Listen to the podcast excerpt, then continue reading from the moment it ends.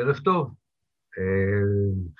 עכשיו שיש לנו חברים חדשים במזרח התיכון, אנחנו צריכים לבקר בהם. היינו בבחריין, היינו באמירויות, היינו בסודאן. בקצב הזה אני מקווה שההרצאות יהיו בקצב שבה בנימין נתניהו רוכש חברים חדשים במזרח התיכון. אמנם ערב הסעודית היא עדיין לא חברה רשמית, אבל בהחלט יש איזה תהליך של נורמליזציה, גם אם הוא לא מתבטא ביחסים מלאים, הוא בהחלט עבר מהפסים המאוד סודיים שהוא היה בהם, לפסים הרבה יותר רשמיים אולי, או לפחות גלויים, אם לא, אם לא רשמיים. הסיפור הסעודי הוא סיפור מורכב להרצאה אחת, מסיבה אחת במיוחד, שהוא כולל בתוכו רבדים עמוקים יותר של היסטוריה שקשורים לדת האסלאם, לתורת האסלאם, ושם אני באמת אקצר, אבל אני אשמח אחר כך אולי בשאלות קצת להרחיב אם יש צורך, או שאתם בעצמכם תוכלו למצוא דרכים, או שתתייעצו איתי כדי להרחיב את, את, את הידע.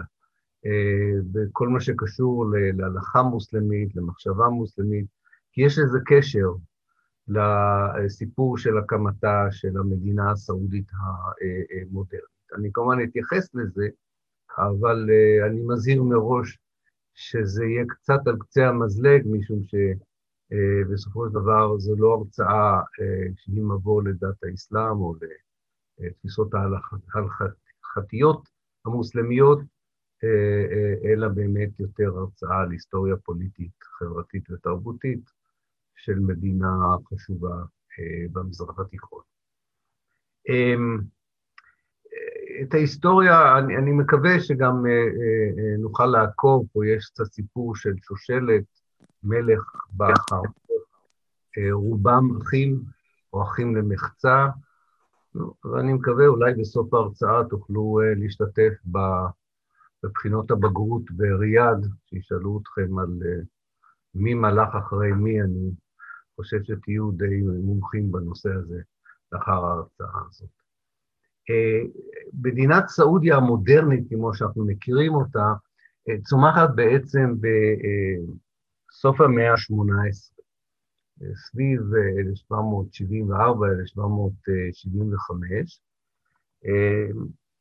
שוב, השאלה הפנטסטית בהיסטוריה, מדוע אדם מסוים מחליט שהתפקיד שיש לו בחיים הוא קטן מדי, מצומצם מדי, ופתאום יש לו שאיפה להיות הרבה יותר גדול, שליט יותר גדול, לשלוט על שטח יותר גדול, אין לנו תשובות טובות. זה מעניין שבאותה שנה האדם שמקים בעצם את המדינה הסעודית המודרנית, כמעט באותה שנה, uh, uh, מגיע לקיצו uh, שלטון של אישיות אחרת מאוד מאוד בולטת, בגליל, של דאר אל-עומר, וגם הוא לא הסתפק בלהיות מוכתר של כפר או גובה מיסים מטעם הממשלה העות'מאנית, הממשל העות'מאני, אלא רצה להפוך את עצמו למלך לא רק של פלסטין, אלא גם של לבנון וחלקים מסוריה. מדוע זה קורה? אנחנו לא ניכנס לזה, אנחנו רק נציין את העובדה ההיסטורית. אז הסיפור הסעודי בעצם מתחיל עם אדם שכזה, כמו מוחמד בן סעוד, הוא גם שינה את שם משפחתו כשהוא התחיל לגלות שאיפות להיות הרבה יותר גדול ממה שהוא, שם המשפחה המקורי היה מוקרין, אבל הוא חיפש שם אולי קליט יותר, גם שם משמעותי יותר, וקורא לעצמו מוחמד בן סעוד. בניגוד למה שתמצאו בחלק מספרי ההיסטוריה, הוא לא היה בדואי במובן הזה ש... הוא השתייך לחברה נוודית, נודדת, שבטית, הוא למעשה היה חלק מהתיישבות כפרית, חקלאית, שהייתה בחצי האי ערב במהלך המאה ה-18. הוא מעין מוכתר גדול של התיישבות חקלאית די גדולה שהופכת לעיירה קטנה, לא רחוק מריאד של היום, מקום בשם דיריה, אם אני זוכר נכון, הדיריה, והוא סוחר עם הבדואים, הוא לפעמים נאבק איתם על דרכי מסחר, לפעמים הוא שודד חלק מהשיירות שעוברות בחצי האי ערב. אין ספק איש מאוד שאפתן שביקש עוצמה וכוח מעבר לזה שהיה לו במקום הולדתו. מה שעוד מאוד מעניין הוא שהוא מתחבר ופוגש באותה עיירה שבה הוא גר, אדם אחר שמשנה את גורלה של סעודיה, הייתי אומר אפילו שיש לאדם השני יש השפעה אפילו מעבר לחצי האי ערב, ושני האנשים האלה יוצרים ברית שבסופו של דבר מביאה להקמתה של המדינה הסעודית. האדם הזה הוא מוחמד אבן אבן והאב, מוחמד אבן אבן והאב, אני כמובן, כשאני אגמור את כל ה... בזמן, את התמציות של ההרצאות, אז גם השמות האלה יופיעו בפייסבוק. מוחמד אבן עבד אל-והאב היה מטיף דתי, איש דת, אבל בעל תודעה עצמית מאוד מפותחת, והשקפת עולם מאוד מאוד ברורה לגבי הדת ומקומה בחברה. לרגע אחד אני רוצה לחזור, נדמה לי, אולי זו הייתה ההרצאה הראשונה שלי בסבב הזה, לא, לא זוכר, אולי השנייה. אני דיברתי בזמנו על המפגש הראשוני בין uh, המערב המודרני, כפי שראה את עצמו כמערב מודרני, למזרח התיכון uh, בתחילת המאה ה-19. ואם אתם תזכרו, דיברנו אז על איזשהו דיסוננס קוגנטיבי. זאת אומרת, שהיה פער בין העליונות הצבאית והכלכלית והפוליטית של המערב, לבין התפיסות של האסלאם ושל החברה המקומית, אה, שלא עמדו במבחן המציאות.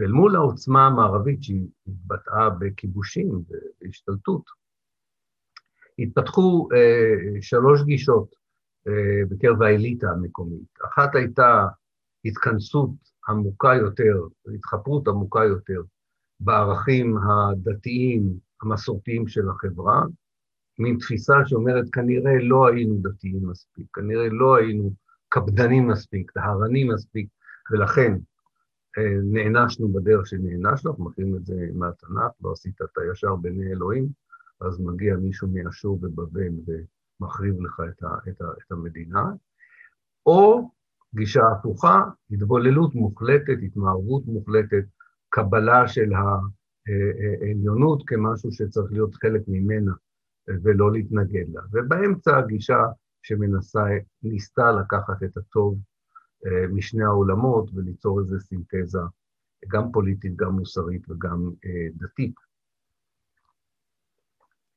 אה, מוחמד אבן, מוחמד עבד אל-והאב בהחלט שייך לגישה הראשונה, גישה שאומרת, אם זהו המצב, סימן שהחברה היא לא דתית מספיק, שהיא לא אדוקה מספיק, שהיא לא קפדנית אה, אה, אה, אה, מספיק. אה, הוא השתייך לזרם שקרוי גם לפעמים הסלפיה, ס"ל פ"ה, ס"ל פ"ה, סלף בערבית זה קדמוני. הסלפיה זה הקדמונית, זאת אומרת, תפיסה שאומרת, היה תור זהב באסלאם, ישר אחרי, אחרי אה, הנביא מוחמד וארבעת החליפים הראשונים, החברה הייתה אדוקה, הקפידה על, אה, על קיומה של הדת, לא אימצה כל מיני השפעות מבחוץ, לא ניסתה לשנות את העקרונות המקודשים של הדת, וצריך לנסות לחזור להתנהגות שכזו, וההוכחה היא שכאשר החברה האסלאמית התנהגה בצורה שכזו, היא הגיעה לשיא אה, הישגיה בכל תחומי אה, אה, החיים. זו תפיסה לא חדשה באסלאם, והאמת היא שגיבורו התרבותי של אותו עבד אל-והאב, שכרת ברית עם אבן סעוד, שבסופו של דבר מקימה את המדינה הסעודית כמדינת הלכה דתית אסלאמית, אותו עבד אל-והאב העריץ מאוד חכם דת אה, אה, מוסלמי שחי ב, בימי הביניים המוסלמים, אדם בשם אבן תמיה, זה לא היה שמו, אבל שמו האמיתי הארוך מדי בשביל להגיד, זה היה יותר כינויו.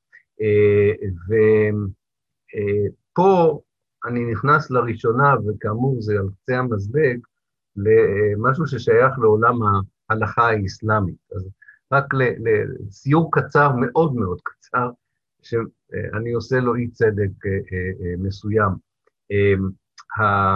יש פה שתי תופעות בימי הביניים שמאוד משפיעות על מה שקורה במאה ה-18.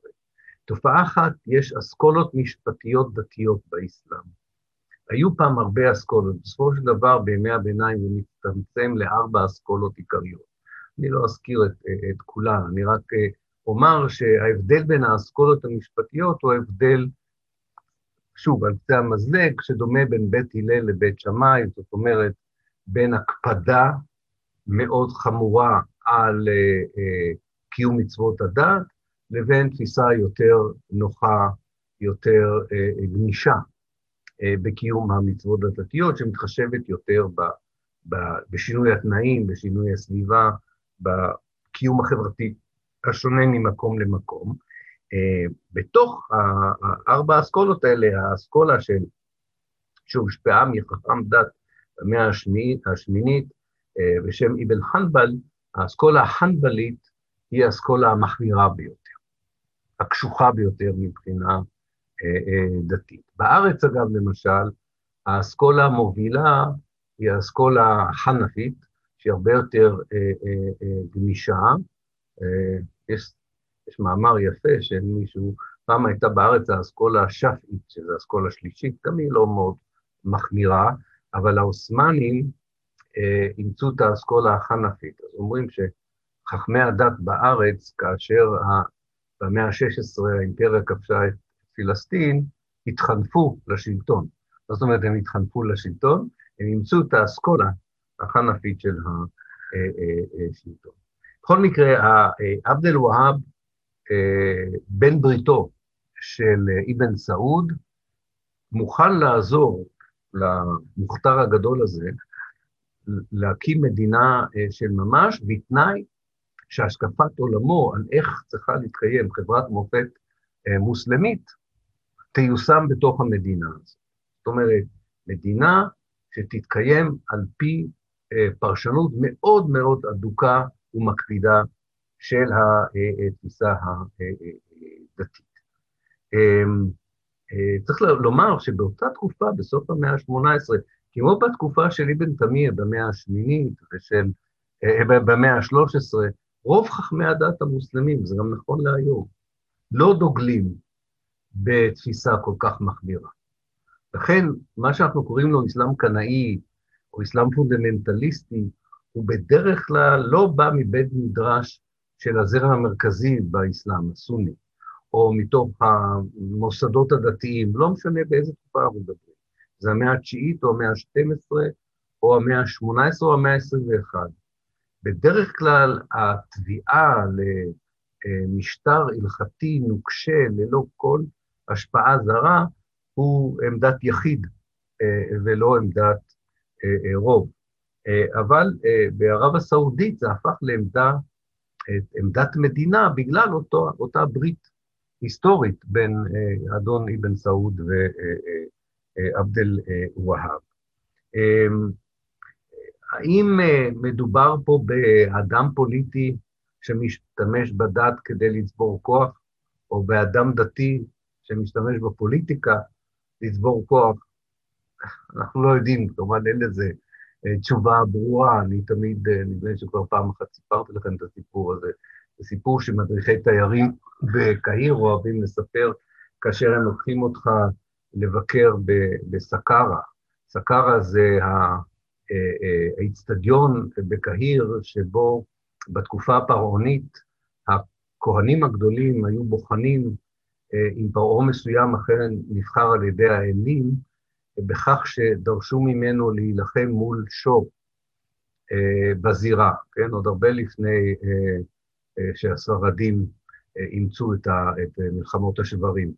אה, ואנחנו יודעים שהכוהנים רצו להראות שהאלים בחרו במועמד מסוים, הם היו מכניסים שור זקן ועייף, שהיה אפשר להפיל אותו בנשיפת פה, וכשהם לא אהבו את המועמד, הם הכניסו שור צעיר ובריא שלא אכל איזה חודשיים, אה, והוא שיפד את המועמד, וכך הייתה הוכחה שהאלים לא רוצים בו. הפוליטיקה והדת כבר מאז מאוד מעורבים, וכמובן קשה לדעת פה אה, מי שרת את מי. מה שמעניין, אגב, זה מקומם של אנשים, כי לאחרונה קראתי איזה מחקר, דוקטורט, על הברית הזו שנוצרה במאה ה-18, זו אנקדוטה לא כל כך חשובה, אבל אולי כן חשובה, אני לא יודע, שבעצם אה, מי שהעלתה את הרעיון ששני האישים האלה ביחד יכולים באופן סינגרטי אה, להיות הרבה יותר חזקים אה, מאשר כל אחד לחוד, הייתה אשתו השנייה של אבן סעוד, היו לו ארבע נשים, גברת בשם מודי בנט אבי וסאן אל-כסיר, היא היא הגתה את הרעיון הזה, זה חלק מהמחקר הפמיניסטי שיש לנו היום על המזרח התיכון. אני לא פוסל את זה, אני חושב שגם המחקר נראה לי מאוד אמין, אה, אה, אה, אבל זה מאוד מעניין שלאט לאט אנחנו גם חושפים צדדים נוספים בהיסטוריה של המקומות הללו. עכשיו, אני מניח שאתם, זוכ... שאתם לא בדיוק זוכרים את הסיפור של דייר אל-עומר, אבל כמו במקרה של דייר אל-עומר, אם במאה ה-18, לקראת סופה של המאה ה-18, אתה רוצה ליצור ברית פוליטית או דתית, זה לא משנה, אה, ורוצה לבסס אותה כ, כעמדה שמתוכה תצא ותקים אולי אפילו ישות אה, מדינית, הדרך הנפוצה ביותר הייתה על ידי אה, ברית נישואין, חתונה. וכך בנו של אבן סעוד מתחתן עם בתו של עבד אל-והאב, וזה יוצר קשר, את הקשר החזק, וזה בעצם אה, אה, מבטיח איזושהי אה, ברית שתמשיך הרבה מעבר להתחלתה. הנדוניה העיקרית, אגב, שעבד אל-והאב מביא לסיפור הזה, הוא היה כנראה איש כריזמטי בצורה בלתי רגילה.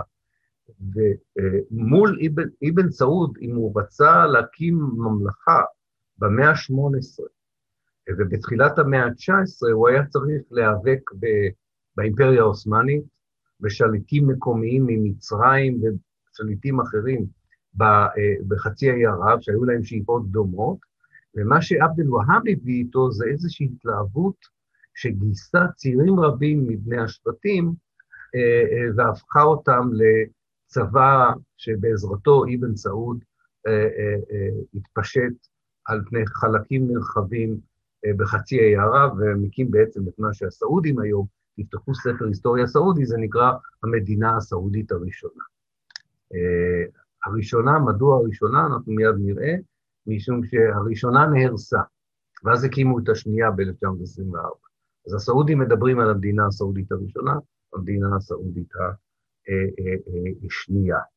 Um, עכשיו, um, הבעיה הייתה שכמובן שככל שאתה משתלט על יותר שטח, ככה באימפריה העות'מאנית שמים לב אליך. וכששמים לב אליך, אז מתחילים לשלוח צבא נגדך, ככה הפילו את אה, דאר אל-עומר בגליל. במקרה הזה הצבא העות'מאני לא הגיע עד לחצי האי ערב כדי לנסות ולכבול קצת את המדינה הסעודית הראשונה. הוא השתמש בשליט מצרים, מוחמד אה, עלי, אה, ובכוחות מקומיים אחרים, שבסופו של דבר באמת מצליחים אה, אה, אה, להגביל את, את, את הסעודים בתוך חצי האי ערב, ויש נקודה מסוימת שבהם כל המשפחה הזו של משפחת סעוד ומשפחתו של עבד אל-והאב צריכים, בסוף המאה ה-19 הם גולים לכווית, עד כדי כך, בעצם המדינה שהם הקימו החזיקה מעמד כמאה שנה ואז היא אה, אה, אה, נעלמת. אמ, במקומם, במקום שהכי חשוב להם במכה ומדינה, וזה כבר הזכרנו בהרצאה אחרת, בתחילת המאה ה-20, משפחה אחרת שולטת, אם אתם זוכרים, זו המשפחה ההאשמית, שיש לה היום רק נציגים בירדן של ימינו, אבל המשפחה ההאשמית שולטת במכה ומדינה, בהתחלה בתמיכה עות'מאנית, ואחר כך בתמיכה בריטית, אני לא אכנס שוב לכל הסיפור, כיצד ההאשמים כרתו ברית אה, עם הבריטים כנגד העות'מאנים, ובתמורה הבטיחו להם לא רק את מכה ומדינה, אלא גם את עיראק וסוריה ואת פלסטין, הבריטים לא, לא רק שלא קיימו את רוב ההבטחות שלהם אה, להאשמים, אה, הם אה, גם לא היו בטוחים שהם רוצים את ההאשמים כשליטי מכה ומדינה, בגלל ההתנגדות שההאשמים מגלים בחלק מהמדיניות הבריטית. עד מלחמת העולם הראשונה הבריטים תמכו בשני הצדדים. כמעט הייתי אומר, חימשו את שני הצדדים אה, שנאבקים על שליטה במכה ומדינה. המשפחה ההאשמית מצד אחד והמשפחה אה, אה, הסעודית. אחרי מלחמת העולם הראשונה, המשפחה ההאשמית, ובמיוחד ראש המשפחה ההאשמית, שריף חוסיין, שעדיין יושב כמלך החיג'אז במכה ומדינה, לא מפסיק להתלונן על הבריטים, לא מפסיק לדרוש מהבריטים לקיים את חלקם, והוא מתחיל להיות בעיניהם מטרד. והם מגיעים למסקנה שאולי עדיף שמישהו אחר ישלוט אחרי מלחמת העולם הראשונה במכה ומדינה, והם מתחילים לתמוך במשפחה הסעודית כנגד המשפחה ההאשמית. ובעזרתם, פחות או יותר, או לפחות בגלל שהם לא היו שם כדי להגן על ההאשמים, המשפחה הסעודית חוזרת לשלוט ברוב חצי האי ערב, וגם כובשת את מכה ומדינה ב-1924. המלך חוסיין, השריף חוסיין ממכה ומדינה גולה לירדן, מעצבן את הבן שלו, כשהוא מגיע לאמן הוא מכריז על עצמו כחליף בכל האומה האסלאמית, ובסופו של דבר הוא נפטר ונקבר בירושלים. בכל מקרה, הסעודים מקימים את המדינה השנייה ב-1924. יש תופעה מאוד מעניינת שעוזרת להם להתגבר על אויבים די קשוחים, לא רק ההאשמים, היו עוד כמה ממלכות או משפחות שביקשו להקים מדינה בחצי האי ערב, והסעודים הצליחו להביס אותם. הם מקימים יחידות שהם קוראים להם האיחואן, איחואן בערבית, כמו שאתם יודעים, זה האחים. גם האיחואן על-מוסלמים זה האחים המוסלמים במצרים. אבל אלה איחואן אחרים. האיחואן של הסעודים זה, זה בני שבטים בדואים שעוברים אינדוקטרינציה אה, דתית מאוד מאוד קשוחה, ב, על פי ההלכה הווהאבית, כן? של אותו עבד אל-והאב, אותה תפיסה קשיחה ואדוקה וטהרנית של הדת המוסלמית, אה, אבל הם עמוסים בהתלהבות דתית. וזה כנראה נותן להם איזשהו יתרון גם על האויבים המקומיים. ויש תיאור באחד מספרי המסעות הבריטים על איזה תייר, אני כבר לא זוכר את שמו, ואחד מהציירים הבריטים נתקע למאבק שכזה, והוא היה המום מכך שהאיחואן השתמשו בחניתות וחרבות בעוד שהצד השני השתמש בנשק חם, ובכל זאת אה, ההתלהבות הדתית התגברה על הנשק המודרני. אני לא יודע אם זה מדויק או לא מדויק, אבל בכל זאת מראה לכם את הקהילה שהייתה אה, אה, סביב אותם חיילים של האיחואן בחצי האי ערב. בכל מקרה, המדינה הסעודית השנייה מגיעה לנחלתה ב-1930, כל הסיפור של הקרבות נגמר, אה, יש יציבות, אה, בנו של סעוד, עבד אל-עזיז אבן סעוד, הופך להיות המלך הראשון של המדינה השנייה, המדינה הסעודית השנייה. אה, אישיות מאוד מעניינת, אפשר לראות בוויקיפדיה, במקומות אחרים, תמונות שלו, אישיות מאוד מרשימה. הוא, הוא מת בשיבה טובה בשנת 1953, uh, זאת אומרת, הוא שלט 23 שנים, שלטון מאוד מאוד דיקטטורי, אוטוקרטי, אבסולוטי. הכל עבר דרכו, הכל עבר דרכו, uh, מה שהיה מאוד נוח לבריטים ולאמריקאים, ועוד אני אחזור לבריטים ולאמריקאים, כי נדבר uh, עוד מעט על נושא הנפט. היה מאוד נוח שהיה שליט אחד, שהוא היה בעצם הקובע היחיד אה, בתוך המדינה. זה קצת השתנה במשך השנים בערב הסעודית, לא הרבה, אבל בכל זאת זה, זה, זה השתנה. אמ, אמרתי לכם שתוכלו להיבחן בבחינות הבגרות בריאד בשבוע הבא, אם ישאלו אתכם מי, מי הם המלכים ששלטו אחרי אה, אה, עזיז אבן סעוד, כי זה קל יחסית. כולם היו אחים של, אה, אה, אה של אה, אה, סליחה, כל, כולם היו בניו של אה, עזיז. שיש, היו לו שישה בנים, כל אחד מהם הספיק להיות אה, אה, מלך. אה, לא מיד נעשית המלך. היית צריך לעבור אה, כמה משרות, כמו באיזה חברה משפחתית, אתם יודעים, איזה עסק משפחתי מאוד אה, אה, רציני, כמו של הרוטשילדים וכל אלה, אה, אז אתה מתחיל לפעמים כפקיד בקבלה בבנק, לפני שאתה הופך להיות היורש של רוטשילד. אז גם החבר'ה האלה היו צריכים להיות אה, סגן מנהל מחוז, קצין בצבא, גובה מס, לפני שהם קיבלו את המשרה הגבוהה ביותר במדינה. הבן הראשון ששולט הוא סעוד אבן סעוד, שוב, לא, לא באמת אתם צריכים לזכור את השמות, אני אכתוב אותם. הבן הראשון הוא סעוד אבן סעוד, שכל אמ, חמשת אחיו לא אהבו אותו, אה, אבל האבא שלו קבע שהוא יהיה היושב, היורש, לא כי הוא היה בכור, אני לא יודע, היה לו איזה יחסים מיוחדים עם האבא, אה, אה, ולכן אולי זה לא מוזר ש, שהם ביחד מדיחים אותו ב-1964, ומי שמחליף אותו אה, הוא פייסל, אה, דמות מאוד ידועה, פייסל אבן, אה, אבן סעוד, ששולט פחות או יותר מ-1964 עד 1970, יותר מאוחר אולי אפילו, עד אלף, כן, עד, עד 1975, עד 1975. פייסל, אנחנו זוכרים, חלק מאיתנו, זוכר את פייסל אבן סעוד, אה, משום שהוא הוביל את האמברגו אחרי מלחמת אוקטובר 73' על הנפט למערב. אתם זוכרים את הסיפור של האמברגו אחרי מלחמת אוקטובר, אחרי מלחמת יום אה, אה, אה, כיפור.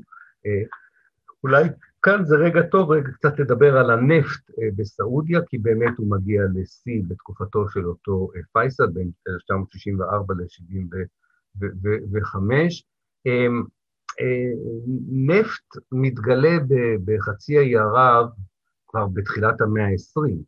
בתוך השטח שהופך להיות המדינה הסעודית הוא מתגלה רק ב-1921, אבל לא בכמויות מרשימות, לכן אין כל כך תחרות על ערב הסעודית, עד שמגיעה חברה אמריקאית, אחר נכון זה סטנדרט אויל, כן? סטנדרט אויל, החברה האמריקאית הראשונה, שבשנות ה-30, בסוף שנות ה-30, מגלה שדות נפט חדשים בתוך, חצי, בתוך ערב הסעודית, וזה כבר הופך להיות בכמות אה, מסחרית ומשמעותית. תזכרו, זה ערב מלחמת העולם השנייה, לנפט הייתה חשיבות גם בהנעת אה, הכוחות הלוחמים באותה אה, מלחמה.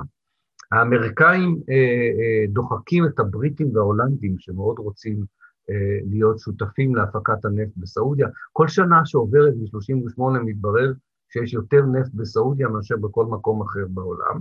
זה נכון גם היום, אגב, עדיין. עדיין המדינה שיש בה הכי הרבה נפט, הכי הרבה עתודות נפט, וגם הכי הרבה נפט הופק בה מאז ומעולם. אה, ככל שזה מתברר, כמובן התחרות יותר גדולה, אבל ארה"ב מצליחה לדחוק אה, את כולם, פשוט יוצרת איזה קשר אישי עם אה, פייסל, אותו פייסל, שליט סעודיה בין 1964-1975,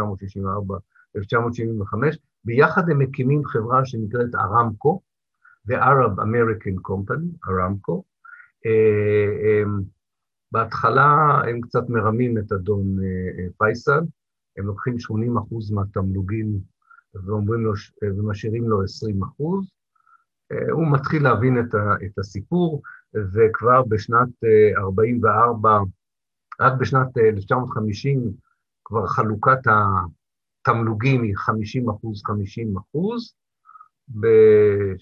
לאחר מותו של אה, אה, אה, פייסל, ב-1975, היורש שלו כבר הלאים לחלוטין את הנפט הסעודי, והופכים את חברת ארמקו ל-Arabs, ו-Saudi Aramco Company. זאת אומרת, נשאר בעצם אמריקה, נשארת בשם, אבל לא כשותפה לרווחים מן הנפט. לצערו של אותו פייסל, הוא היחידי מכל ששת האחים שהודח, לא הודח, אלא נרצח על ידי איזה בן דוד ממורמר. זו משפחה עם הרבה בני דודים, כן? זו משפחה עם חמשת אלפים בני דודים, אז סטטיסטית יכול תמיד להיות איזה בן דוד ממורמר שלא קיבל את מה שהבטיחו לו, וזה מה שקרה עם, עם פייסל. הוא מוחלף עם מישהו שאולי אנחנו לא זוכרים אותו, אבל בסעודיה מאוד מדברים עליו, אדם בשם חאלד אבן סעוד, ששולט עד 1982. מדוע חאלד מעניין אותנו היום? בדרך כלל הוא לא עניין אף אחד מהחוקרים. הוא שלט במין תקופה שאתה יכול להגיד לא קרה בה כלום בערב הסעודית, 1976 עד 1982. הסיבה היא, לא יודע אם מישהו יודע, אבל זו התקופה שבה צומח אוסאמה בן לאדן בתוך אה, ערב הסעודית. לכן החוקרים היום חוזרים לתקופתו של, של המלך אה, אה, ח'אלד. לראשונה המזרחנים בעולם מתחילים להיות מודעים שבסעודיה יש לא רק בית מלוכה. היום, אגב, בסעודיה יש למעלה מ-30 מיליון תושבים, כן? זה לא מדינה קטנה. כבר בפרז היו כמה מיליונים טובים. לראשונה רואים במחקר על המדינה הזאת, שהייתה מאוד סגורה למחקר מבחוץ, שהיא לא הומוגנית, שהיא לא הומוגנית, שיש מיעוט שיעי במזרח המדינה הזו שמאוד לא מרוצה, שנאבק מאוד קשות לאוטונומיה ומדוכא בצורה מאוד מאוד אכזרית, שיש שבטים שהם לא מבית סעוד, שיש להם גניאולוגיה, בעיניהם לפחות, הרבה יותר מכובדת מאשר הגניאולוגיה של השבט ש, ששולט, וגם הם מדי פעם אה, מתמרדים, או שהם מצליחים לפייס אותם עם כל מיני, אה, אה, בכל מיני אמצעים, שיש כבר, בתקופה של אה, המלך ח'אלד, יש כבר מיליון תימנים שעובדים כעובדים זרים בתוך אה, אה, ערב הסעודית. אתם זוכרים את המושג בידון שדיברנו עליו באמירויות, אותם אנשים ללא זכויות בסיסיות. התימנים מרגישים אה, אותו דבר, שהם עובדים אה, אה, זרים שלא מקבלים את הזכויות שיש לחברה הסעודית, ומעל הכל, מעל הכל, ולכן זה קושר את אוסאמה אבן לאדן לסעודיה, שהוא בן למשפחה סעודית מאוד חשובה של קבלנים שבנו את מרביתם של הערים בסעודיה. זוהי התקופה של הפלישה הסובייטית לאפגניסטן ב-1979. וזו התקופה שבה ארצות הברית, כמה אירוני שזה יישמע, מגייסת סעודים צעירים להילחם יחד עם אנשי המוג'הידון באפגניסטן כנגד השלטון הסובייטי. למה זה אירוני?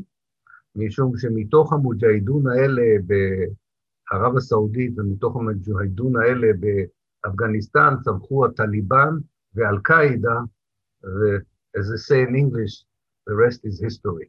אז אני לא אכנס לזה יותר מוקדם. Uh, מי שמכם חי בתקופה, אולי אולי זוכר, זה היה המקור, זה היה הפעם הראשונה ששידרו בשידור ישיר uh, חילוץ של תפיסת בני ערובה.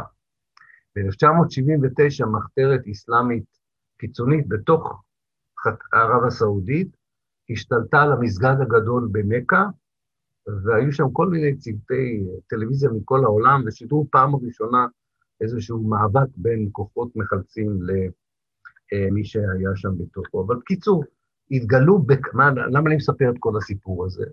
משום שבית המלוכה הזה גילה גם בעצמו עד כמה העובדה שהוא שולט באופן אבסולוטי ומוחלט במדינה של עשרות, למעלה מאז היה מעל, למעלה מ-25 מיליון איש, לא מבטיחה את, הש... את היציבות השלטון לתמיד, והתגלעו סדקים שהולכים ומתרחבים גם היום, אה, ואני הייתי לא מהמר על עתידה, על עתידו של בית המלוכה הסעודי אה, לאורך זמן, אם אה, תרצו לתפוס אותי בעוד 10-15 שנה, ותזכירו לי את הפסימיות שלי לגבי שרידותו של בית סעוד.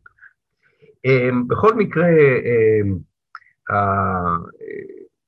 בשנות ה-80 מגיע מלך חדש, עם שלטון יחסית יציב, פהד,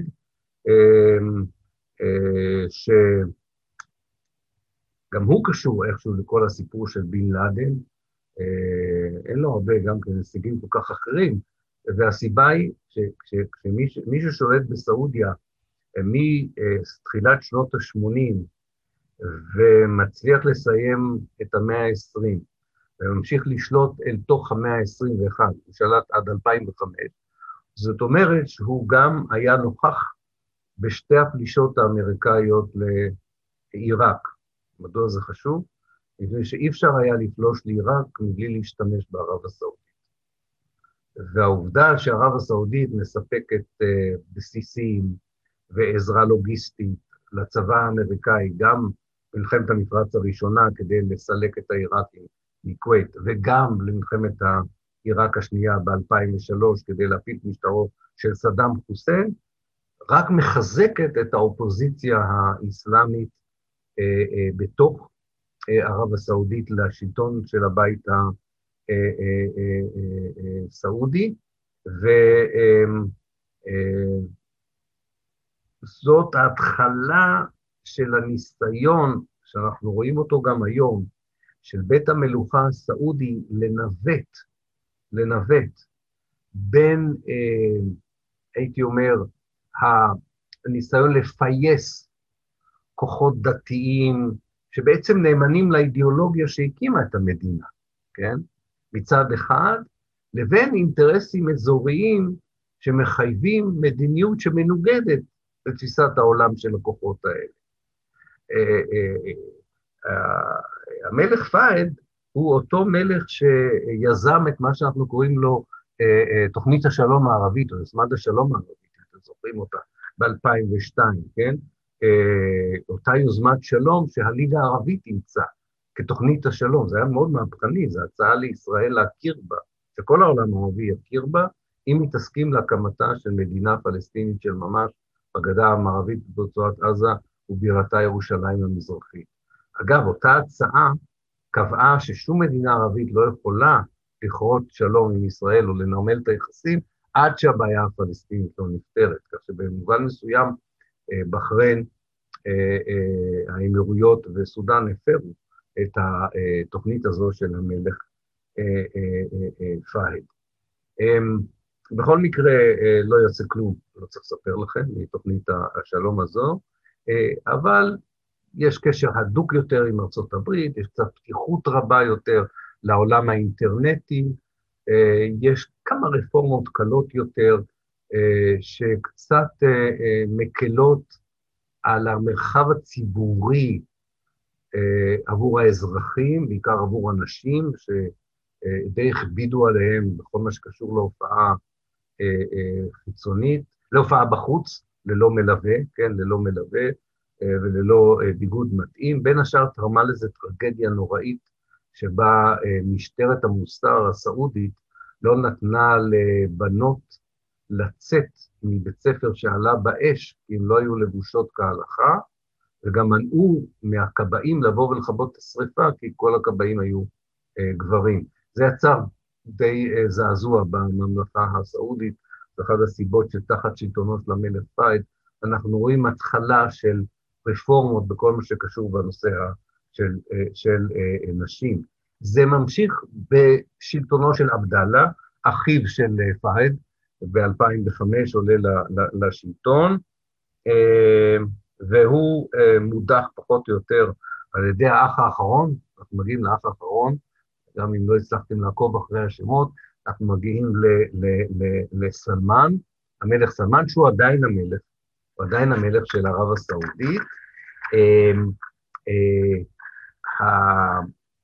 אנחנו יודעים, זה כבר חדשות טריות, אז אתם יודעים, ש, שמי ששולט באופן פעיל בסעודיה היום זה לא סלמן המלך, אלא יורש העשר, יורש, יורש העצר, מוחמד בן סלמן, שכל מי שלא אוהב אותו קורא לו MBS, מוחמד בן סלמן, MBS. ודמות מאוד מעניינת מהרבה בחינות, מצד אחד אה, ממשיך לנהל, כמו המשטרים הקודמים, אה, מערכת דכאנית של כל מי שנחשב לאויב המשטר. יש פה רקורד מאוד לא מחמיא של הפרת זכויות אדם וזכויות אזרח אה, של כל האחים, מהיום שהאבא נפטר ועד היום. ומוחמד בן סלמן שינה, השינוי הגדול שהוא הכניס, שהוא גם הפר את זכויות אדם ואזרח של רבים מהאחים שלו וקרובי משפחתו, אה, אה, ולא רק של האזרחים הרגילים. מצד שני, אה, בעידודו של הפמיניסט הגדול דונלד טראמפ, הוא התחיל ברפורמות די משמעותיות, צריך להגיד, בנושא מעמד האישה, מהרשות לקבלת רישיון נהיגה, דרך נוכחות של נשים באצטדיוני אה, אה, כדורגל, אה, דרך הקלה בכל נושא הליווי הגברי של נשים נשואות בעין הציבורית, וזה ממשיך, זאת אומרת, הכנסת נשים לאוניברסיטאות, הרחבת החינוך, והוא ימשיך בזה. לא יודע עד כמה זה חלק מתפיסת העולם הפמיניסטית של מוחמד בן סלמן, שהוא לא נראה לי פמיניסט גדול, אני חושב שיש פה איזושהי, איזשהו ניסיון לא רק למצוא חן בעיני האמריקאים, כי, כי המשטר האמריקאי האחרון של ארבע השנים האחרונות לא דרש אה, זכויות אזרח, אה, כיבוד של זכויות אזרח וזכויות אדם בשום מקום בעולם, זה לא במה שהיה על האג'נדה של אה, משטרו של, של טראמפ. אה, יותר, אני חושב, יש פה עניין של מאבקי הכוחות בתוך סעודיה בין שלושה גורמים.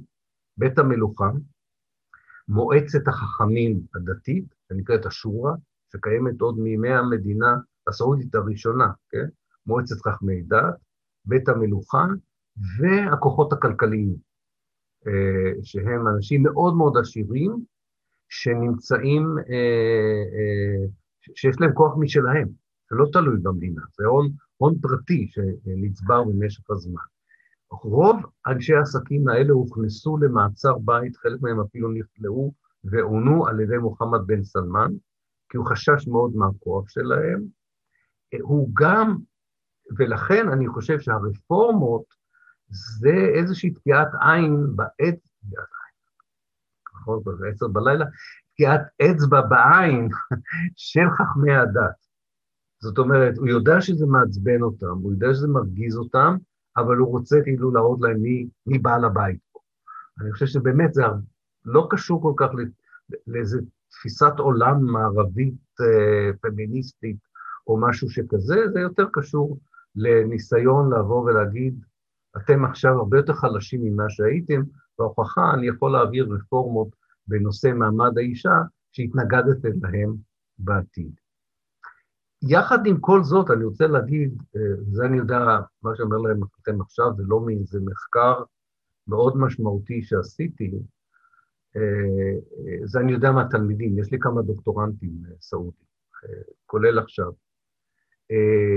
יש שם חברה אזרחית תוססת, מאוד זהירה, מאוד מיוחדת בדרך שבה היא מנסה לבנות עולם חדש בחצי האי ערב. תוך סיכון עצום אה, שהאנשים האלה לוקחים על עצמם, אה, אם הם ייחשפו, או אם הם ייחשפו בצורה שתרגיז את MBS וחבריו. אה, אבל לא כל האנשים האלה הם בהכרח מתנגדים לסביבה הדתית שבה הם חיו או שבה הם חיים. חלק גדול מהרפורמות שהם מציעים הם בתוך ההגות הדתית, על בסיס ההגות הדתית. לא כאנטיתזה להגות הדתית. זה לא שהם מאמצים איזה תפיסות חילוניות מערביות ואומרות, זה המדינה שהיינו רוצים. עכשיו, מדוע זה חשוב?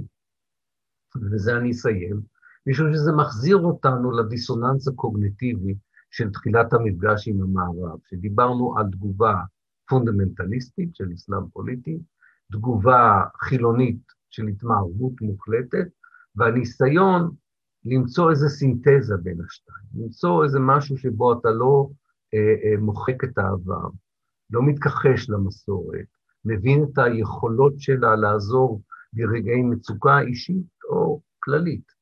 מצד אחד, ומצד שני לא דוחה מה שמגיע מן המערב, את כל מה שמגיע מהמערב כחידוש לא רצוי ולא, ולא מקובל, אלא מנסה לעשות סינתזה בין השתיים. ויש שם קבוצה של חכמי דת מאוד מעניינים, שעוסקים בסינתזה הזו, תחת הרדאר של השלטון, משום שהשלטון לא רואה בהם בשלב הזה סכנה מיוחדת, יכול להיות שהם יצליחו אה, להשאיר את המדינה הזו כיחידה פוליטית. כאמור, אני מפקפק בזה, אני, אני חושב שזה אחד המשטרים הפחות יציבים, הפחות אה, אה, אה, מוחלטים, אה,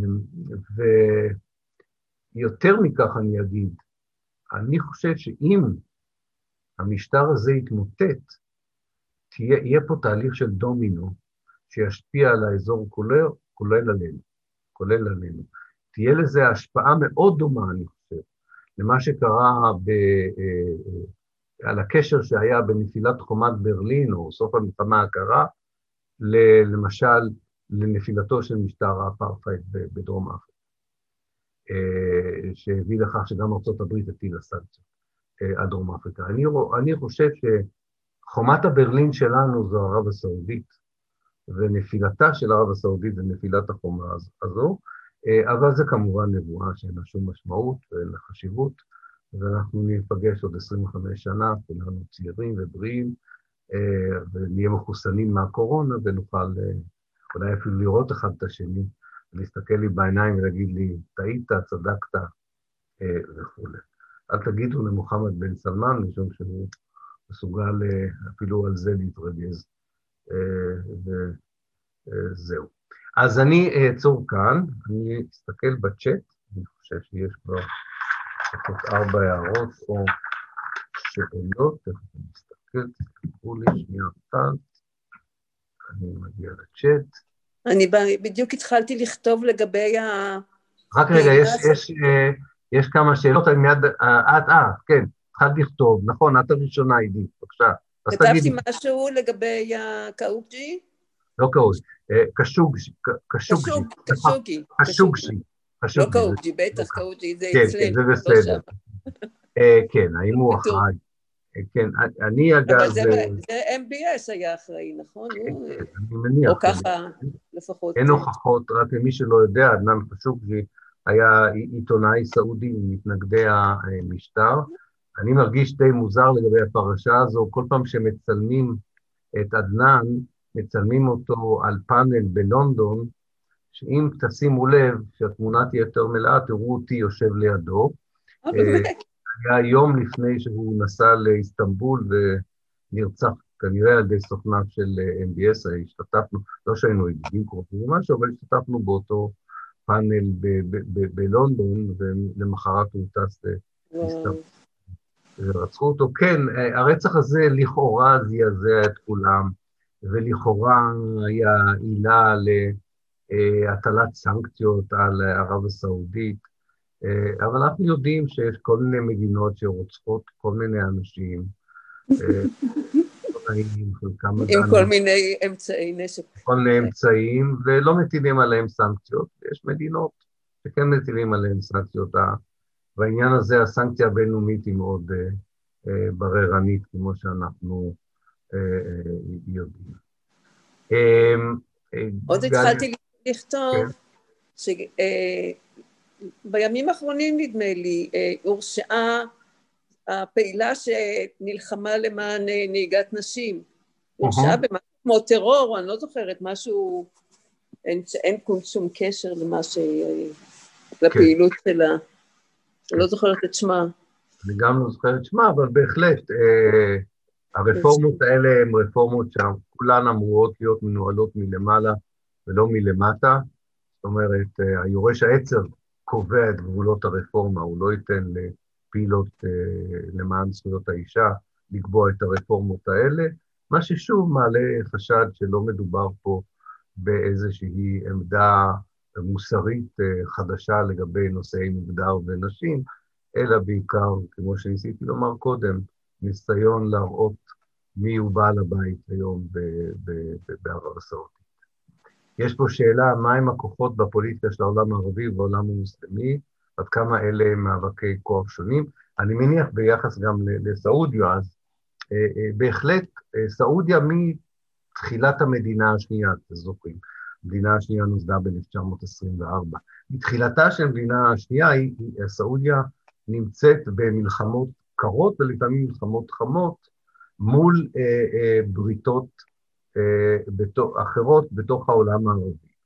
אה, בשנות ה-50 וה-60 של המאה הקודמת, אה, בית המלוכה הסעודי אה, היה צריך להחליט איפה הוא נמצא בתוך מה שקראו לו המלחמה הקרה במזרח התיכון, בין המשטרים המתקדמים, הרדיקליים, אה, של מצרים ועיראק ודרום תימן, ואחר כך גם בלוב וגם בסודאן, אל מול בתי המלוכה השמרנים, או המשטרים השמרנים, כמו אלה, ב...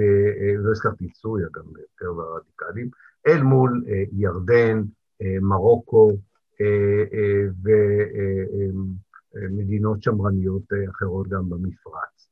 וכמובן, ערב הסעודית אה, לא רק החליטה להיות חלק מהמחנה המלוכני השמרני, היא אפילו הובילה אותו. אמרתי שחלק מהמלחמות היו קרות, אבל חלק מהמלחמות היו מלחמות קשות מאוד. וכך למשל, הצבא המצרי נלחם בצבא הסעודי בתימן, ודניאל ביקש, ואני מניח ש... אני אסכים בתשובה אם לעשות הרצאה על תימן, אז נדבר על זה קצת יותר לעומק, אבל בהחלט הסעודים מצאו את עצמם תומכים בצד מסוים אה, בתימן, אל מול אה, אה, צד אחר שנתמך על ידי נאצר. זו הייתה מלחמה מאוד קשה, ויש אומרים שבין השאר, נאצר לא לקח את זה בחשבון, כאשר הוא עשה את ההליכה על הסף ערב מלחמת יוני 67', עד כמה הצבא שלו בעצם אה, גם נחלש אה, אה, במלחמה שתקעה אותו בתימן. לאחר מכן, אם אנחנו כבר מתקדמים קצת לימינו, אז יש כמובן את הציר שישראל הברית מנסים לבנות, הם קוראים לו הציר הסוני כנגד הציר השיעי, בראשות איראן. אני חושב שזה הרבה יותר מסובך כמובן, יש שיעים בעיראק, יש שיעים בבחריין ויש שיעים בערב הסעודית, אה, זה תיאור מאוד פשטני של מאבקי הכוח, אני עדיין חושב שזה מאבקי כוח בין אה, משטרים ולא בין דתות ולא בין תפיסות דתיות.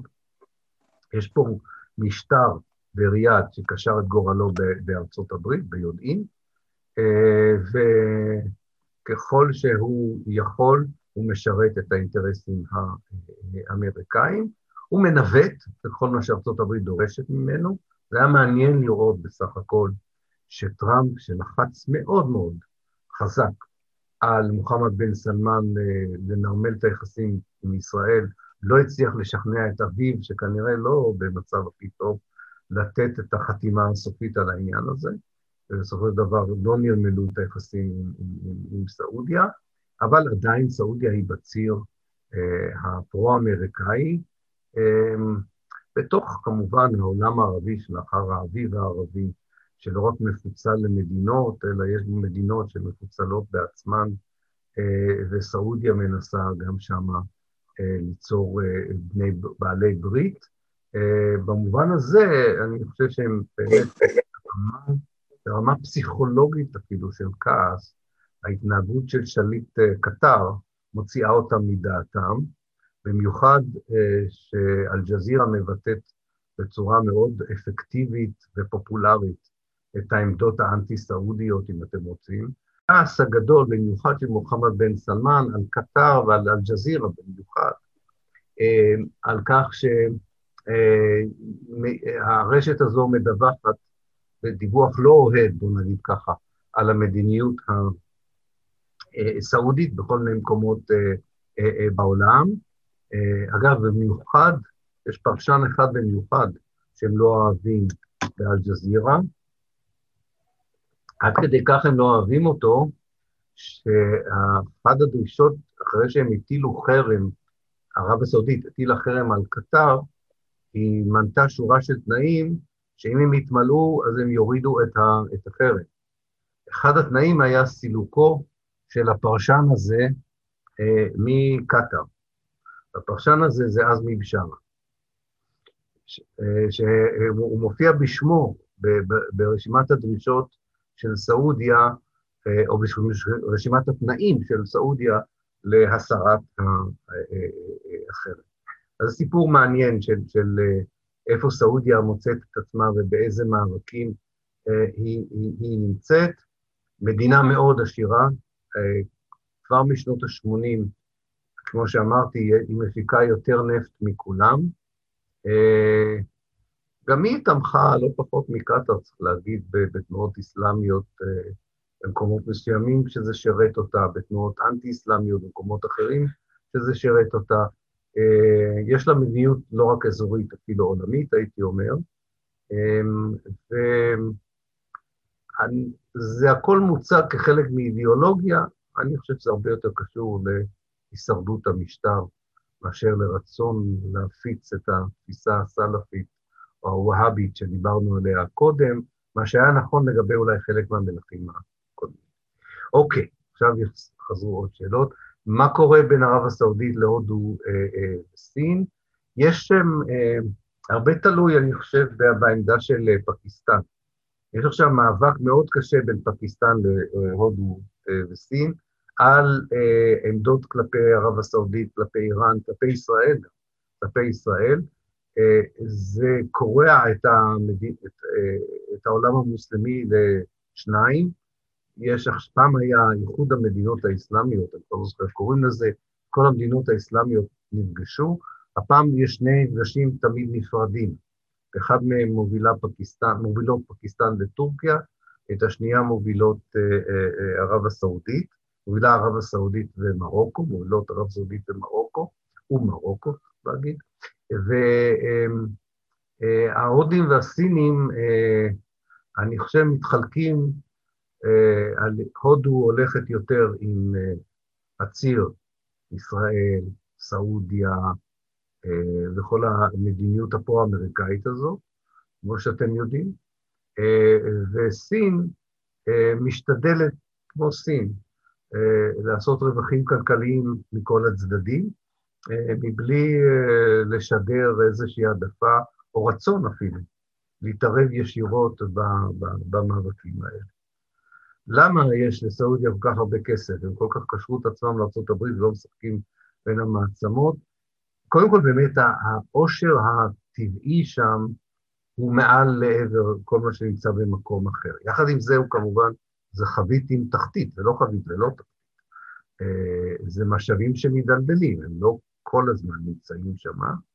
אה, וימים יגידו אם הם השקיעו נכון, אה, מה שנקרא באנגלית diversification, הם באמת השקיעו נכון את הכספים שלהם, יש כבר רמיזות, אני רואה את זה בכל מיני ניתוחים של כלכלה פוליטית, שהם לא ניהלו נכון את, ה, את העניין הזה של חיסכון והשקעה לעתיד, ושהם יצטרכו עוד מעט להתחיל לצמצם, במיוחד אם תתפתח אנרגיה חלופית, הם יצטרכו לצמצם את חלק מה... אה, או תצטמצמנה האפשרויות שלהם להשתמש בכסף כדי להשיג כוח ועוצמה, בוא נגיד ככה. אה, כך שזה מצב זמני, אבל נכון להיום זה עובד, או זה עבד. אבל תשמע, איתמר, תסתכל על חוסר היכולת שלהם יחד עם ארה"ב ועם כל הכוחות האפשריים להכניע איזו קבוצה קטנה, שבטית בדרום תימן, שיעית. נכון שהאיראנים תומכים בה קצת עם, עם נשק וכסף, אבל לא מצליחים להכניע אותם כבר איזה עשרים שנה עם כל ה-F, מ-F1 עד F200. אה, אה, יש כנראה גם גבול לכוח ולכסף, אה, מול חלק מהדברים שהם בעצמם ייצגו בעבר, של התלהבות אידיאולוגית, מחויבות דתית וכיוצא בזה. למה זה משתלם להיות חבר של סעודיה? כלומר, שאלה באזור שלנו היום, פוקסי, מה התפקיד, איזה חרם מופעל כלפי סעודיה ממי שלא חבר שלה, מה האינטרס של סעודיה בתימן? אוקיי, ואיפה יש חלק סעודיה? אז בואו נתחיל ככה. אה, למה משתלם להיות חבר של סעודיה? בינתיים התמורה הכללית היא, העיקרית היא כספית, אלא אם כן אתה נמצאת באמירויות או באומן, ואז את מקבלת גם מטריה צבאית. אבל בעיקר אני חושב שיש פה תמורה כספית. אני לא מכיר מישהו שמפעיל חרם על סעודיה. אני זוכר באנגליה ניסו לשכנע את המלכה לא לקבל באופן מלא את השליט הסעודי לאור הרקורד המאוד לא מרשים שלהם של הפרת זכויות אדם וזכויות אזרח, ותעשיית הנשק הבריטית, שסעודיה היא הקליינטית העיקרית שלה, הפעילה לחץ נגדי ולצערי אה, אה, ניצחה. אה, תשמעי, אפילו כשהתברר שאנשים מאוד מקורבים לבית המלוכה היו כנראה מעורבים ב-9-11, בארצות הברית זה לא השפיע על יחסי ארצות הברית, סעודיה, במקום זה הרסו את אפגניסטן ועיראק. כך שהם, אין להם היום אויבים מוחשיים מבחוץ, למעט אולי איראן, למרות שאני לא חושב שאיראן היא אויב אמיתי, היא אויב יותר מדומה, של סעודיה. האינטרס של סעודיה בתימן הוא החשש שהם יהיו מוקפים שלוש או ארבע חזיתות שיעיות, מעיראק, מבחריין, מתוך השיעים של עצמם, מתוך השיעים בדרום אה, אה, תימן, ואז באמת איראן יהיה לה בסיסים כאלה קדמיים, ושזה יכול לפגוע ב, אה, במשטר, לכן הם רואים בתימן איזה חצר אחרית. הם מתנהגים בצורה מאוד דומה לדרך שבארצות הברית התנהגה כלפי אמריקה, מרכז אמריקה, ככה backyard כזה, שאתה לא חשוב לך כל כך מי שולט, אבל הוא צריך להיות אה, אה, שלך. אה, זה בסדר, לא, לא חזרת לדברים שאמרתי, אז, אז זה בסדר. אה, כן, אה, זהו אני חושב, אלא אם כן למישהו יש עוד... אה, אה, אני... נכון. אוקיי. רציתי לשאול, לא הספקתי לכתוב. כן, כן. לא צריך לכתוב, אפשר גם לשאול, זה בסדר. מה כן. שאמרת קודם על התחזית הדמיונית לעתיד, ש, שאם כן. סעודיה תיפול, שזה ישפיע על כל האזור, אתה יכול לצייר, כאילו, לגמרי כמובן שזה דמיוני, אבל מה כאילו התחזית האופטימית, נגיד, מה היה הכי טוב שיכול לקרות, שהוא יחסית יכול להיות, נגיד, מציאותי, מבחינת פלסטין? כן, קודם כל בתור uh, פציפיסט, אני, או חצי פציפיסט, הייתי רוצה שזה יקרה בלי שפיכות דמים, קודם כל. אפילו אני מוכן שמוחמד בן סלמן יצא לפנסיה באיזשהו מקום. אה, זה, זה בחצי ברצינות, אבל אה, אני חושב שתרחיש... וגם נתניהו. יחד, הם יכולים ביחד, זה בסדר. אמ, אה, אני חושב שיש פה איזשהו תרחיש אחד, או כמובן אחד אפשרי מיני רבים, שבו האנרגיות והכוחות שהניעו את האביב הערבי, אגב, שגם היה לו מופע בסעודיה, שחיסלו אותו מאוד מהר, כן? אבל היה, היה בהחלט. אמ, שהאנרגיה הזו שאומנם חוסלה עכשיו, ואני לא צריך לחזור על מה, אה, על החורף שבא במקום האביב שטיפו לו, עדיין קיימת שם. וכמו במקומות אחרים, השתמשו בה בצורה יותר נכונה. בעזרת ארגונים, בעזרת תנועות, מה שהיססו לעשות קודם. ואז יש, יש קואליציה מספיק חזקה שיכולה, במונחים היסטוריים, להחליף את המשטר הישן, את הראשן רג'ים, אתה יודע, את המש, מה שהיה המשטר הישן. עכשיו, לא כל החלפה של משטר ישן היא לגרור את, ה, את, בית המלו, את המלכים על הרצפה ו, ולתלות אותם בכיכר העיר. יש, יש כל מיני תהליכים יותר uh, מורכבים, אולי יותר uh, איטיים. Uh, לכן אני חושב שזה התסריט היותר uh, אפשרי מאשר uh, הפיכה צבאית. כי, כי הפיכה צבאית, יש שני מודלים של הפיכה צבאית. יש את המודל של כביכול ההפיכה צבאית שהסיסי עשה במצרים, וחיסל את כל ההישגים. של אה, האביב הערבי המצרי. יש את ההפיכה הצבאית שעשו בסודאן, שדיברנו עליה בהרצאה הקודמת.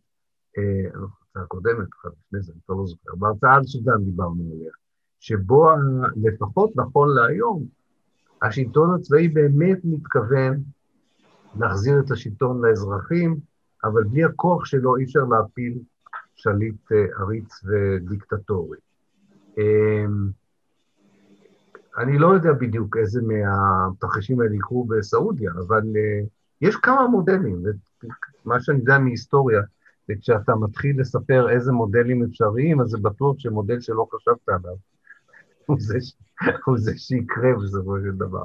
אבל uh, אני חושב שבמקרה הטוב ביותר, זה שלטון שהוא יותר דמוקרטי, יותר משקף, יותר uh, צודק מבחינה חברתית, יותר uh, מתכתב עם החברות האזרחיות, לא רק בסעודיה, אלא בעולם הערבי כולו, ומוצא, אתה יודע, מנווט, אני לא מקנא באף שלטון כזה, זה לנווט בין תפיסה של הדתיות לזכויות אזרח, בין מסורת למודרניות. יש פה, זה שלטון שצריך יכולות ניווט ודיאלוג, שמי שהיום בשלטון שם ובמקומות אחרים אין לו אותם. כמו שהיה צריך תכונות מסוימות כדי להילחם במגפה, שלא כל כך uh, מצויות אצל גנרלים לשעבר. אז uh, מהבחינה הזו אני חושב שזה התרחיש החיובי ביותר. אתם יודעים שיש בלוגרים, היו בלוגרים מאוד אמיצים בערב הסעודית, אחד מהם מונה uh, קשות, היום הוא בגרמניה, אני פגשתי אותו, בחור מאוד אמיץ. כל מה שהוא כתב עליו זה, זה חלום על מדינה דמוקרטית, שוויונית, זה כל מה שהוא כתב. והם אה, הם לא הרגו אותו, אבל מה שהם עשו לו היה איום ונורא.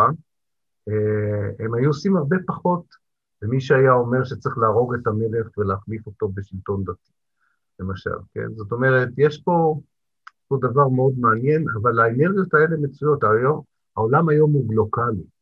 אז הסעודים המתקדמים שנמצאים ב... או החופשיים נקרא לזה, הדמוקרטים, כן? שנמצאים היום מחוץ לסעודיה, גם הם חלק מסעודיה.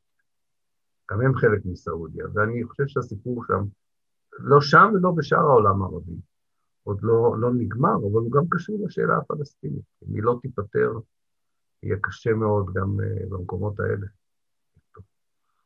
אבל נגררנו ככה לשאלה, לתשובה ארוכה על שאלה קצרה. Uh, כמה קשה לדבר מחר בשפה של היום, זה נכון, זה נכון.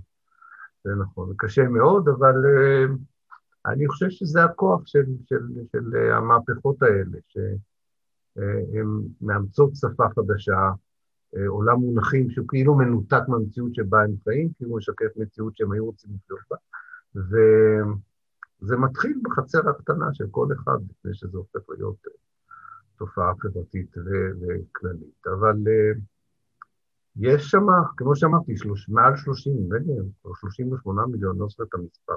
יש 38 מיליון תושבים היום, 33, התבלבלו לי המספרים קצת, אבל מעל 30 מיליון. ומתוך ה-30 מיליון האלה, לא כולם הם המשפחה, משפחת המלוכה. לא כולם אה, אה, חיים אה, באופן שבו המשטר או מועצת החכמים היו רוצים שהם יחיו. זה גם נכון לגבי איראן, אגב. כל המקומות האלה, צריכים לזכור את זה, זה חברות אורגניות, חיות, עם שאיפות של אנשים, אמ, ולכן האומץ לב של האנשים שם, שמנסים לשנות את העולם, צריך לכבד אותו, למשל, לא לזלזל בו ולחשוב שאתה עומד בכיכר רבין, אתה מגלה אומץ דומה. אה, זה לא דומה. אה, ואני חושב שזה משהו שצריך להעריך אותו ולכבד אותו, ולדעת שלמה שקורה פה יש השפעה ישירה על אפשרויות ההצלחה או הכישלון של הניסיון הזה לבנות עולם ערבי אחר וחדש. יש לנו חלק בזה. אנחנו יכולים אה, להכשיל את הניסיון הזה ואנחנו יכולים לתרום להצלחה. זה נשמע לי משפט... אה, זהו, זו נימה מאוד אופטימית לסיים בה. מצוין. לילה טוב. לילה טוב, תודה תודה רבה. להתראות. מחכים כרגיל.